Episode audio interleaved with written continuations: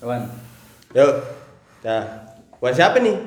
Wawan. Nah, Wawan. gua. Kan dia jadi au kalau di sini tuh kalau kita lagi ngumpul dia jadi au, Oke. lu jadi Wawan. Hmm, Jadi lagi bagus. Bagus, bagus. Jadi Ya. tujuan kita ngumpul Kenapa pada ngeliatin gua? Ada bercerita dan Nah, Enggak, kan kita udah lama nih nggak nongkrong. Gara-gara PPKM. Capek dong kerja mulu. Capek. namanya kerja bang Iya. Kalau nggak kerja mah namanya pengangguran ya. saya capek, Deadwood. saya capek tidur. bagus, bagus juga capek sebenarnya. Kan- Bagus ya? Karena kan dia sudah memiliki PT kan. gue paling enak banget dengernya. ya intinya ketika kita mengeluarkan suatu energi itu bakal capek Nah, tidur pun kalau pakai energi capek Ini ini ngomong capek nih. Apa? Hah? Ngomong capek nggak? ya capek lah. itu kan ke mana-mana bangke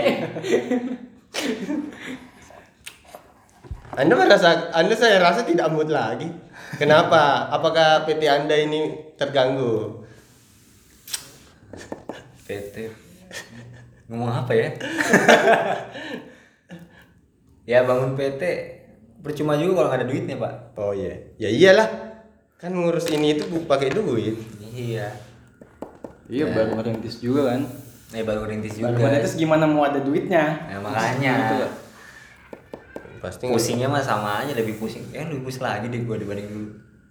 lebih pusing sekarang dibandingkan jadi budak korporat. Iya. Ibaratnya lu kalau misalnya pengen keluar dari 9 to 5, ini jadinya 24 hour gitu. 24 jam mikirin Nah, itu doang itu gitu tuh loh. Orang kalau mikir kan orang mikir usaha tuh gampang kan. Hmm. Padahal mah enggak kan sebenarnya. Oh enggak sama sekali sih. Karena banyak banget yang harus dipertanggungjawabkan. Apalagi kalau misalkan ya lu kerja sama sama orang lain gitu. Hmm. Itu beratnya bukan cuma dari sisi tenaga doang tapi moral juga, ya kan? Nama baik juga gitu. Hmm. Capeknya tuh dua kali lipat ya berkali-kali lipat daripada jadi budak korporat gitu loh. Hmm. Kalau misalkan emang kerjasama dengan orang lain, tapi kan misalkan ya lu bikin keluar dari perusahaan, eh keluar dari eh, tempat lu kerja, Hmm. terus lu bertekad buat jalan usaha sendiri gitu misalnya. Wah itu kalau apalagi kalau misalnya lu punya keluarga gitu ya, Hmm. wah itu capeknya ya itu. Ya Berat mungkin banget sih. orang tuh ngelihatnya eh, punya usaha tuh enak karena ngelihat hasilnya doang kan Ya. nggak ngeliat pro- prosesnya ah, gitu karena mereka nggak ngerasain Ya itu tadi. ya itu tadi maksudnya ada waktu yang dikorbankan ketika jadi pekerja biasa, pegawai, karyawan atau budak nih yang yang ngomong nih budak. yang tadinya 9 to 5 jadi 24 hour kan Iya. kerja mau nggak mau. Sebenarnya mindset tentang budak gitu ya itu tadi ya apa lebih ke arah gimana cara lu mempersepsikan lu kerja di perusahaan itu bahkan kalau misalkan bisa aja nih lu udah punya PT ya nggak usah PT lah ini punya usaha sendiri terus Kita lu lu berharap bergantung sama usaha lu tetap jadi budak tetap jadi kita di usaha lu sendiri tetap itu. kalau misalkan yang persepsi lu bahwa seperti itu gitu iya. Tapi seenggaknya ada kebebasan di sana. Buat gua dan awan yang masih kerja nih, Hmm. kita tuh kepentok. Kepentok apa nih? Lu dipentok Kepentok. pak lu? Enggak. Waktu kerja. kepentok aja mau ngeluarin apa pun itu jadi ujungnya ya kerja doang jadi budak lagi maksudnya Hmm. ya nggak salah juga maksudnya jadi budak juga nah cuma gini gue paham ketika lu di korporasi orang tuh nggak bisa ngelakuin sesuka apa yang lu mau kan. Cuman balik lagi ketika kita udah ngedirin usaha pun kita eh, fokus kita ke klien atau ke customer kan. Nggak bisa kita bertindak sendiri sesuai kemauan kita gitu. Itu paling yang nah sebagai orang yang udah jadi budak dan jadi kita sebutnya apa CEO owner bisa owner lah. Business owner Business asik. owner lah. business owner. Bisnis langit. lu akan memperbudak pegawai lu atau enggak? Nantinya jika punya. Ah, which is punya sih sekarang. Ya sekarang punya sih. Nggak punya. cuman eh, ya tadi itu ya masalah kalau menurut gue dari budak itu tergantung persepsi orang masing-masing gitu.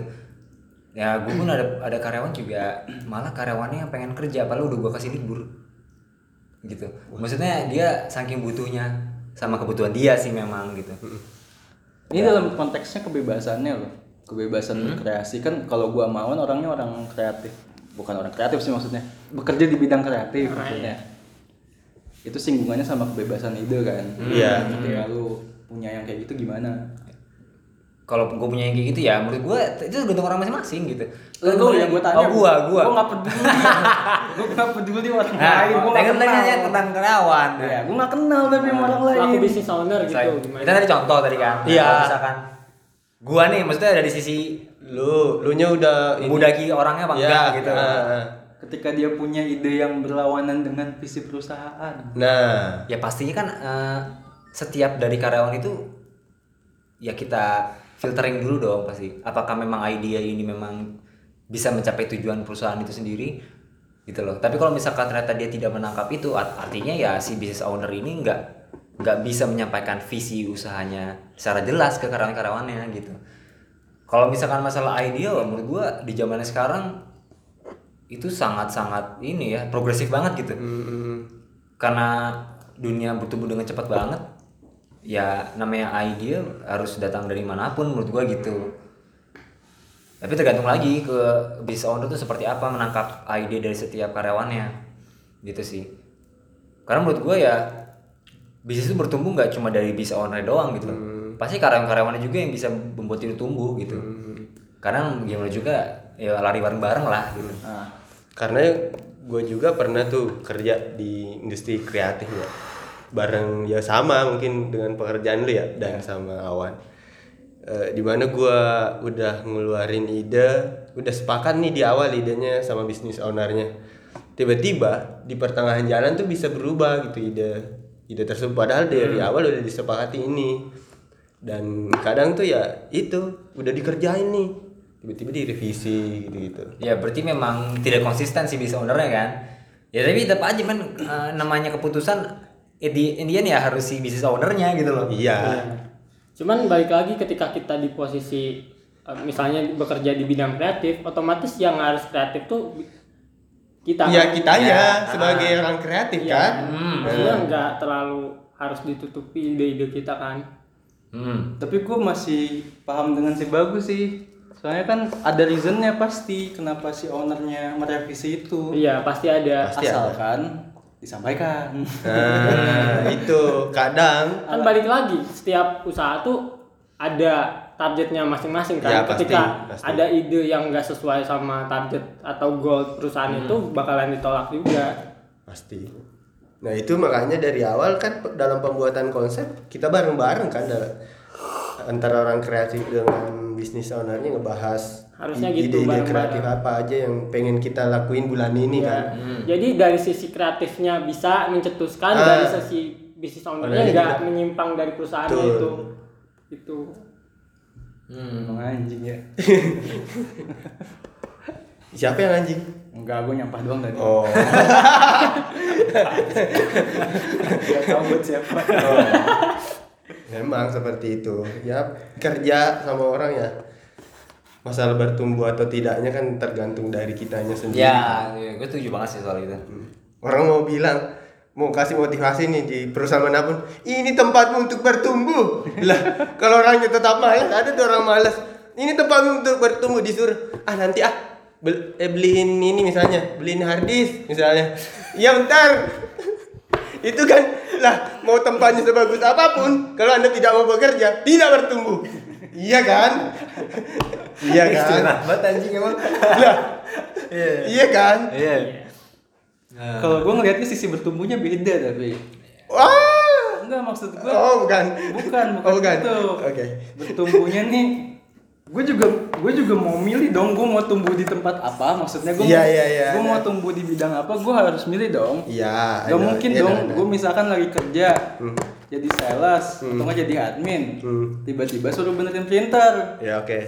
dengan kata-kata ini tempat kamu untuk bertumbuh Padahal saya tidak mau tumbuh di sana Nah, padahal- di sisi lain padahal bukan bidang lu. bukan bidang saya dan Nah. saya juga nggak minat untuk tumbuh di Tempat print gitu Iya, ta- tanpa, tanpa menjelekkan ya maksudnya. iya Itu harus bisa sih, ta- tapi tiap orang. Iya. Padahal cuma nyolokin doang printernya. Habis itu baru bisa nyolokin matiin doang udah. iya Cuman itu dari sudut ada orang, ada orang nanya ke gua pagi-pagi, nah Bang, tolong dong ini benerin printer. Printernya nggak bisa. Nuh. Udah dicolok belum? Udah ini. terus terus terus Udah kan, udah gua cek nih, udah bener dicolok. Ah. Tapi gua tahu ini kalau nyolok langsung emang nggak bisa. Oke. Udah gua pernah benerin juga orangnya sama. oke Ya udah gua ambil lah terminal, gua colok lagi. Hmm. Masuk bisa, nih bisa. Makasih ya bang, wih kayak kayak gue penolong banget gitu. berarti secara tidak langsung lu bertumbuh dong Iya bertumbuh, tapi gue nggak mau. bertumbuh di tempat print berarti ya Itu kan masalah mudah maksudnya. iya Kenapa gitu? tapi menurut gua ada pandangan lain ketika lo melakukan yang gak mau pun itu bakal ada efeknya di untuk masa depan lo ketika lo ngelakuin misalnya ditempatin di mana aja kalau lo ngelakuinnya sungguh-sungguh itu Yeah. bakal apa ya menjadi tambahan skill aja juga Iya. buat kita Ya kalau orangnya generalis ya nggak apa-apa Iya. gitu. itu kan eh, balik lagi ke tujuan masing-masing dari hidup kita kan Iya kalau buat gua buat gua ya, Iya. kalau gua sih udah tahu mau yang ke mana tumbuhnya itu yang jadi masalah. tapi misalnya nih kalau beban kerja lu merasa nih kayak udah monoton itu itu aja yang lu kerjain udah nggak pernah diminta ide lu lagi gimana lu? Ya kan eh, secara ini teori itu ketika tantangan lu lebih rendah dari skill lu itu bakal jadi eh, titik bosen di situ. Makanya lu harus menang me- apa ya menumbuhkan challenge-challenge atau tantang tantangan supaya skill lu eh, bisa naik lagi. Dan tantangan lu lebih besar daripada skill lu saat ini. Nah, itu sih. Eh, gue ya setuju sih. Itu kan kayak ada kurvanya lah Iya. dari dari nol sampai gitu kan ke atas tuh. Jadi kalau misalkan lu uh, challenge-nya makin tinggi, lu makin panik gitu kan. Iya, iya, iya. Dan lu makin apa namanya? Kalau di bawah gue lupa tuh. Makin sulit lah gitu ya. bisa Iya. Alah, telepon lagi. coba dimatikan dulu dah datanya maaf ya nah, Maaf Ana, maaf Ana ya. anak komaru. Ana maaf ya ya oh. enak Komarudin ternyata cowok Tapi gue punya jawabannya kalau itu untuk Gimana? menghindari jenuhnya. Hmm. walaupun pekerjaannya mon- monoton seperti Monoton. itu. Kalau buat gua kerja dari apa yang lu suka itu akan jadi playground jatuhnya. Hmm. Main-main di sana, lu bisa bebas main. Ada perosotan ya udah, perosotan lu luncurin terus seru-seru aja kan ibaratnya.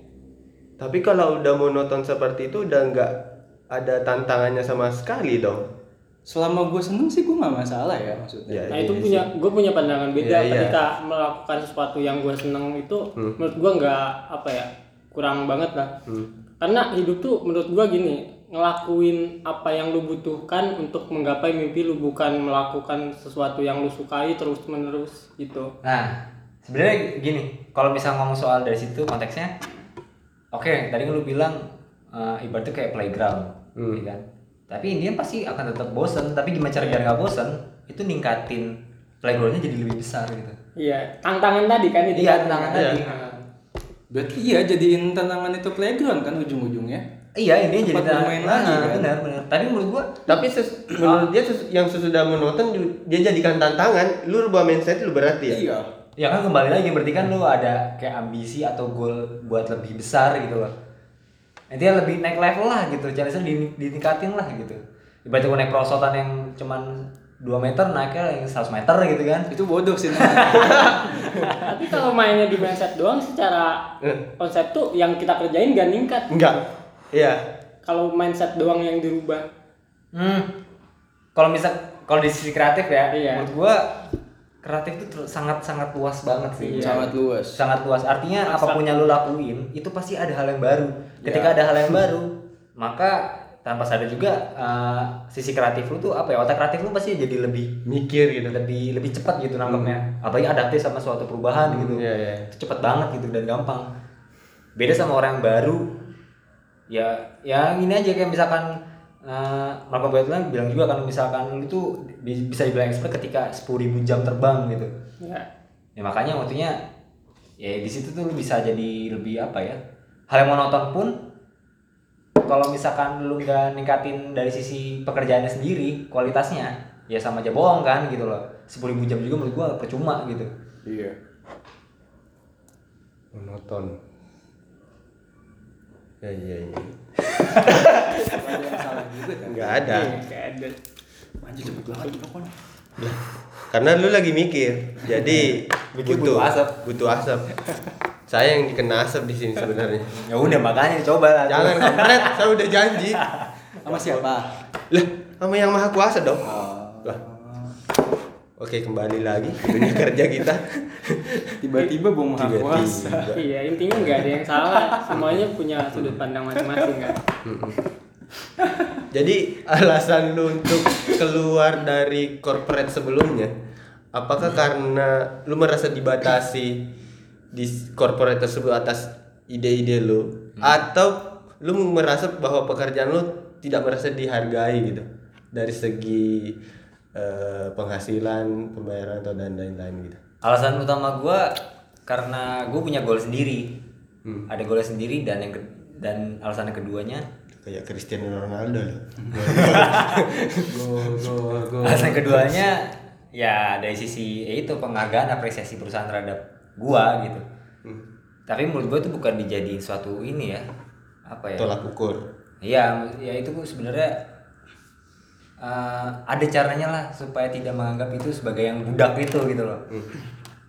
Tinggal Cuma- main, Hah? ngebahas tadi goals menurut lu lu punya goals sendiri kan Hmm. nah ketika lu punya goals sendiri itu dengan posisi lu sebagai karyawan tuh bisa dilakuin nggak Bisa, bisa bisa. Sebenarnya bisa. Bisa. Itu yang jadi masalah apresiasinya dong. Enggak, enggak. Sebenarnya bisa banget. Eh. Cuman waktunya gua sayang aja gitu. Karena tahu sendiri ketika ya ketika gue kerja di perusahaan sebelumnya itu Hmm. uh, waktu gue bener-bener habis banyak banget buat di tempat itu gitu. Sebenarnya sebenarnya mah ada spare waktu berapa jam lagi gitu buat kerja yang lain. Hmm. Cuman buat gue dengan gue juga mengejar itu dengan cepat goalnya, Hmm. ya gue hitung-hitung ya nggak mungkin gue bisa gue kerjain dengan cepat juga gitu loh. Oke. Karena yang namanya gue pengen gue akhirnya pindah ke usaha supaya fulfillment di uh, usaha itu supaya goal itu bisa cepat tercapai juga gitu loh. Ya kembali lagi masalah duit lah, apalagi ini gaji. Iya. Realistis mah kita. Ya harus realistis Gitu. sih. Walaupun kita tetap syukuri penghasilan, Oh. tapi tetap kita harus realistis kan. Mau nikah pasti butuh ini. Nah, ah. Gitu. Gak cukup. Ya sebenarnya kalau gua nargetin yang enggak cepet-cepet amat ya Bisa. bisa aja Bisa. sih. Saja. Cari yang enak-enak sama kayak sahabat kita yang sebelah kiri kan. Sebelah mana kiri apa kanan? Bukan gua. gua nih kayaknya. Itu piano ada. Tetangga kan. Tetangga sebelah. Gitu. Gak apa-apa lah. Ini belum dibakar. Pemikiran lu terlalu maju gitu. ya sendiri memandang ya itu masalah eh, apresiasi segala macam di perusahaan sebelum itu gimana yuk? Kalau gue sendiri sih eh, awal-awalnya ya awal-awalnya di mana gue merasa bahwa gue harus eh, ikut menyesuaikan alur dari sebuah perusahaan tersebut dan gue merasa bertanggung jawab untuk melakukan yang terbaik de- dari apa yang gue lakukan kan tentunya. Oke berjalan seiringnya waktu di mana eh, ide-ide yang kita buat konsepkan awal bersama dengan bisnis ownernya itu tuh yang membuat gua loh kok eh, tiba-tiba berubah? Kadang tuh yang kayak sebulan itu bisa berubah eh, dua sampai tiga kali malahan bisa lebih gitu.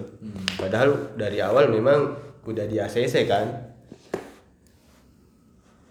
Nah itu sih yang membuat gua merasa bahwa kecewa walaupun mungkin gue nggak juga bisa salahin sepenuhnya bisnis owner mungkin ada dia ada pertimbangan lain eh, merubah itu tapi mungkin alangkah lebih baiknya kita mungkin remukan bareng-bareng memang kalau ini nih udah fix kita mau buat konten ini kampanyenya di bulan ini apa dan betul-betul dipastikan gitu nggak ada lagi yang akan berubah, Berubah.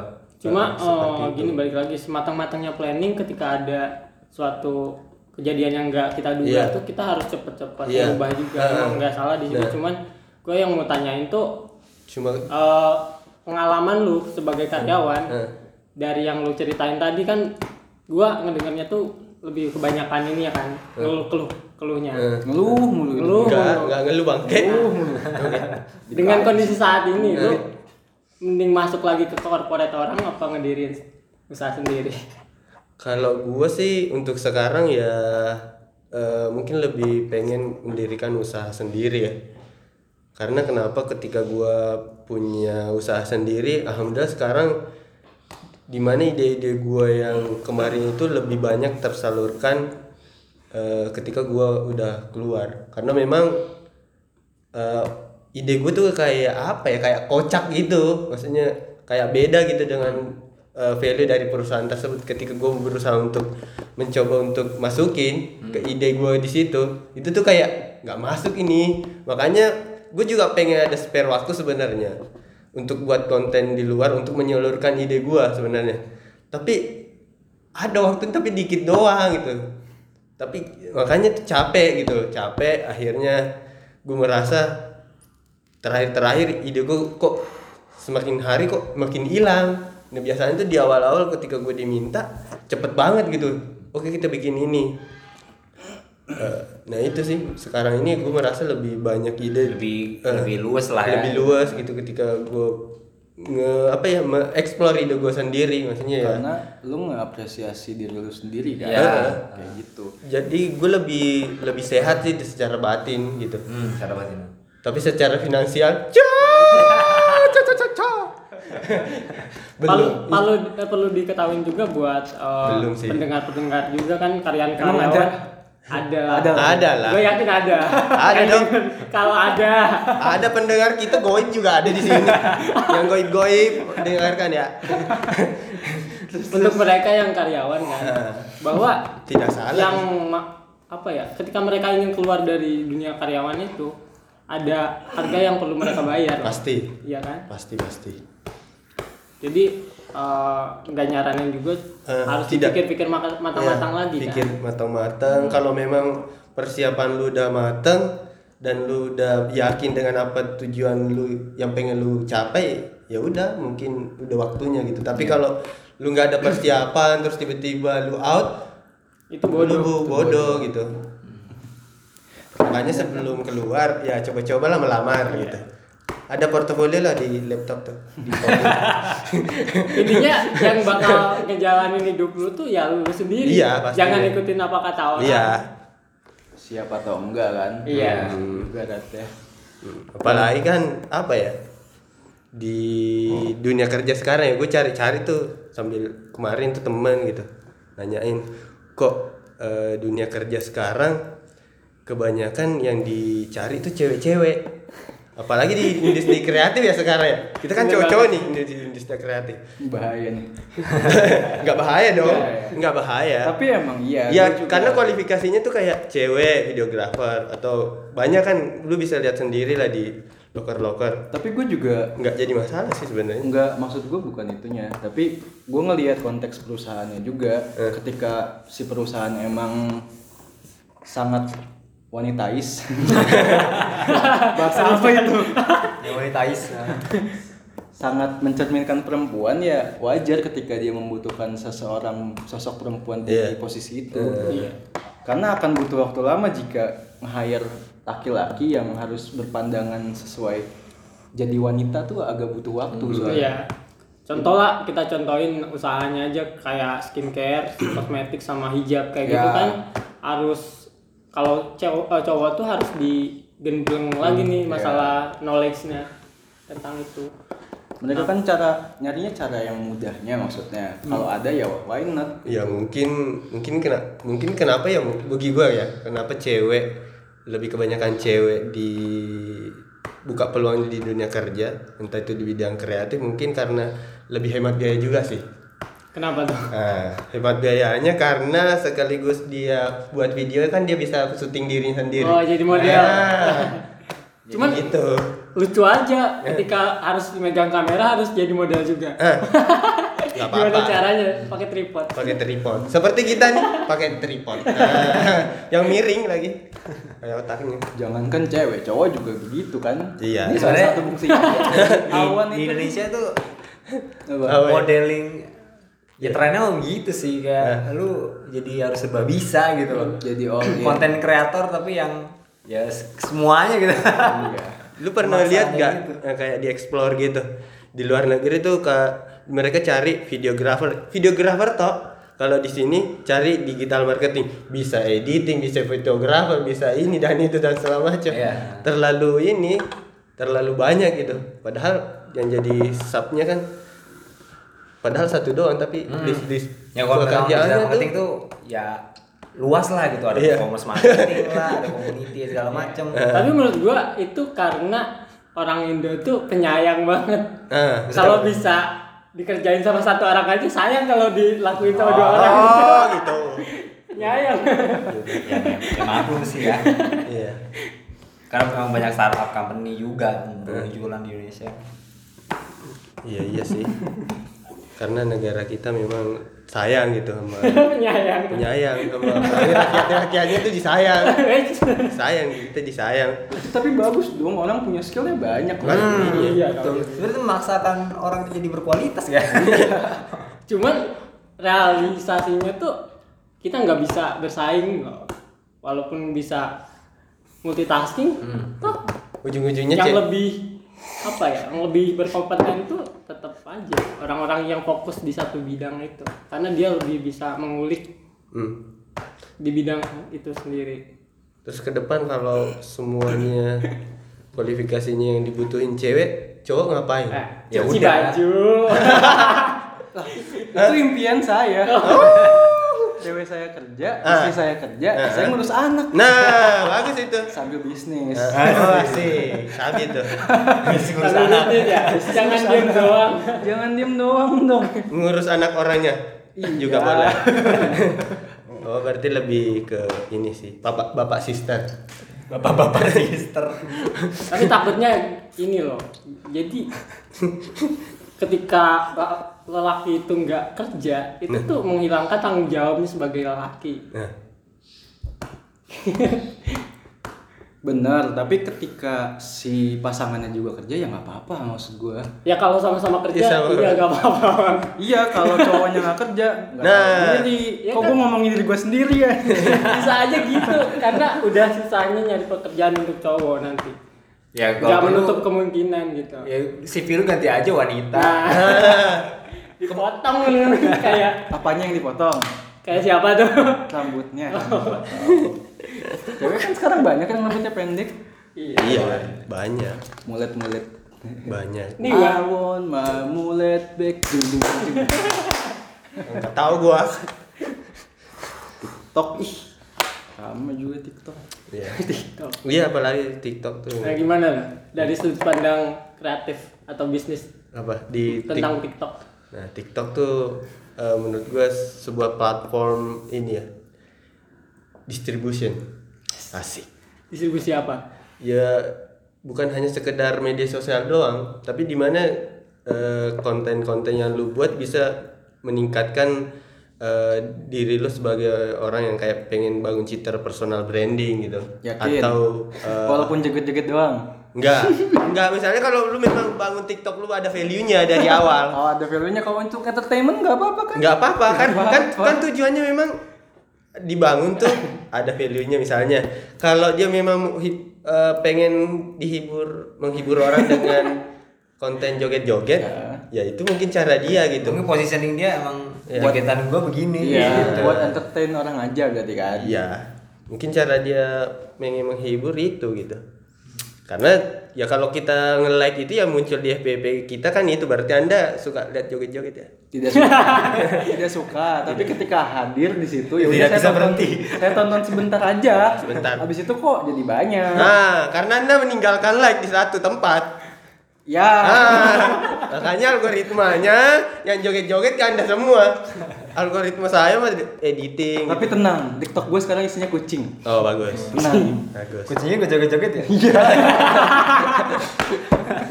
Bisa bisa. Tapi yang sulit tuh di TikTok cowok susah FYP sih. Nah, Ya joget-joget aja. Kata siapa banyak kok. iya. Tapi kurang. Masih ada gading. Iya. Cowok-cowok itu gitu. Karena menurut gua kalau nggak lu good looking, Hah? lu harus uh, bad looking lah untuk bisa FYP. Sekalian jelek gitu ya. Nggak bisa setengah-setengah, nggak bisa setengah-setengah ya. Bener sih. Ya bener jangan setengah-setengah Hidup, maksudnya. iya, hidup tuh memang gitu. Kerja nggak boleh setengah-setengah emang. Iya, iya. Makanya cewek-cewek yang yang joget-joget tuh pakaiannya juga nggak setengah-setengah. Setengah-setengah tetap sih. Setengah dong. Seperempat lah. take down kalau enggak. Kalau nggak setengah-setengah tag Take down. Oh iya, iya, iya. nggak setengah-setengah. Itu telegram. Punya telegram. Ada telegram Ada. saya, tapi kebanyakan sih ini grup-grup bisnis. Oh, Eh. oh kalau saya sih locker yang mau Oh, oh berarti anda berencana untuk meninggalkan tempat anda sekarang? Tidak ada yang selamanya. Oh iya. Tenang Karena gini loh, ki- kita tuh harus selalu mencari yang lebih baik. Hmm. Karena ketika mindset kita selalu mencari yang lebih baik, skill kita pun akan naik. Oh. Tapi cewek nggak bisa gitu cewek. Gak bisa. Gak tahu, gue bukan cewek. Maksud gue nyari cewek anjir. oh nyari cewek. Karena itu yang terbaik akan selalu kalah dengan yang eh salah. Yang sempurna akan selalu kalah. Alah. yang yang Karena- sempurna akan selalu kalah dengan yang terbaik. Iya, Oh. Karena ketika kita mencari yang lebih baik, itu seiring berjalannya waktu, seiring skill kita naik pun itu lebih baiknya tuh akan selalu meningkat. Nah, itu Hmm. yang menyebabkan skill kita pun akan naik terus gitu. Itu Ini kita ngomongin kerjaan apa cewek? kerjaan ini. Kerjaan, Tadi kerjaan. gua mau ma- tadi gua mau masuk. masuk, yang, yang- udah yang masuk. selalu ada tuh kayaknya buat cewek doang deh. Kerjaan enggak deh. Ya. Makanya gua tarik lagi.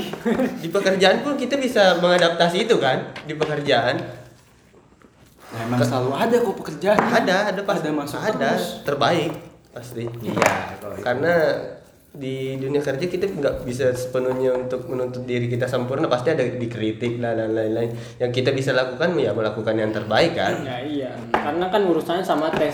Ketika kita membuat sesuatu, Mm. otomatis filter utama tuh diri kita sendiri. Eh. Kita meluangkan ide kita, Eh, eh, eh. nggak tahu diterima atau enggak sama si ini. Nah, balik lagi dah. Cara cara lu pengen diapresiasi kayak gimana?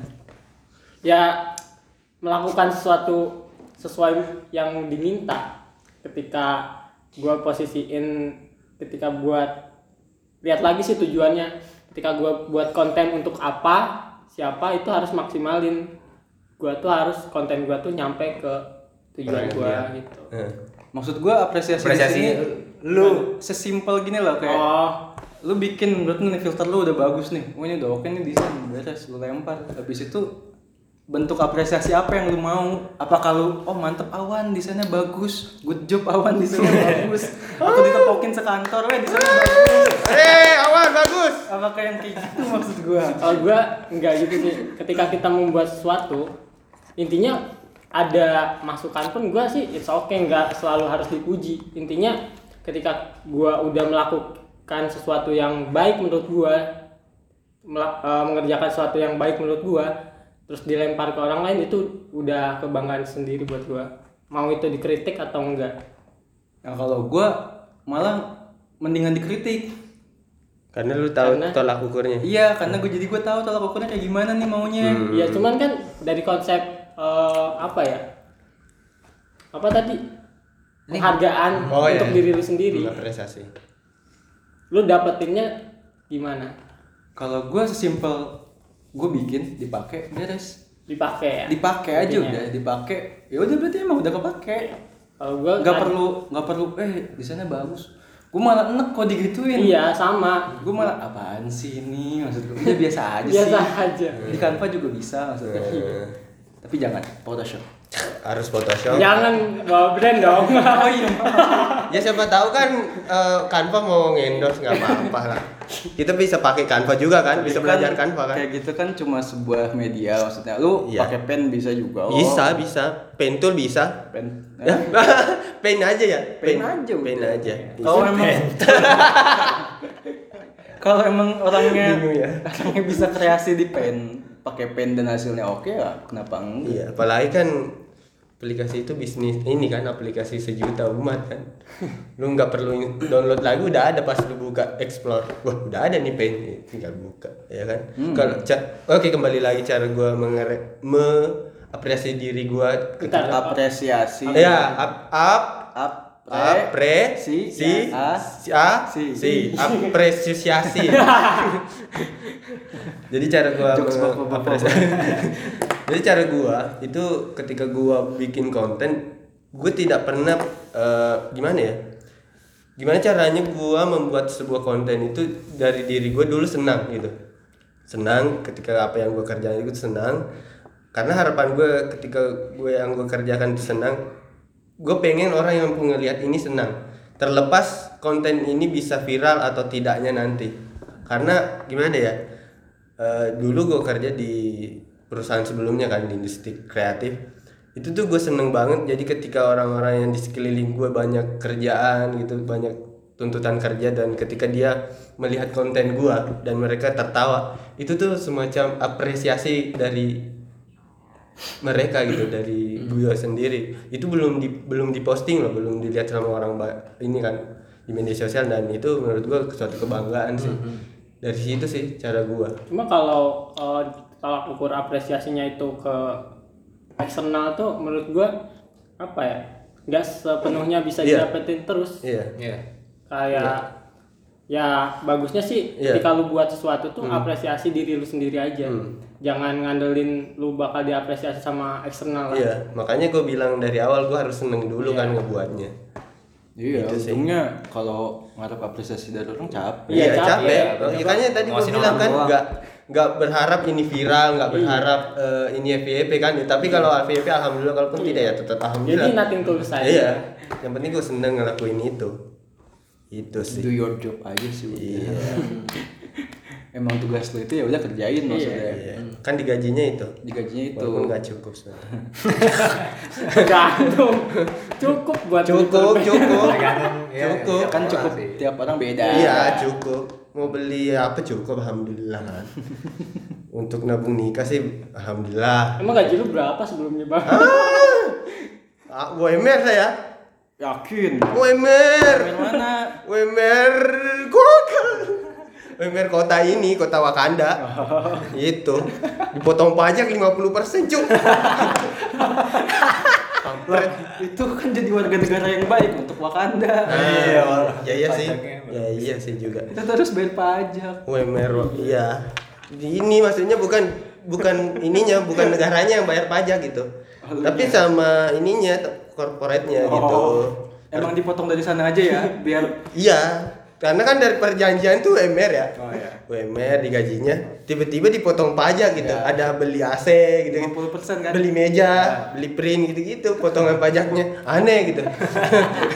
Tapi balik lagi ke sisi positifnya, Ya kita tuh nggak bisa ngukur dari material doang. Betul, Ketika betul. kita dikasih gaji se- sekian, kita Ya. tuh harus memperhitungkan juga kita bekerja itu tuh dapat apa lagi nih benefitnya. Nah. Misalnya Ya. ilmu Ya, atau betul, apa ya. itu baru Betul, betul, dikalkulasi ketika itu worth it, lu harus lakuin terus. Iya, menurut betul.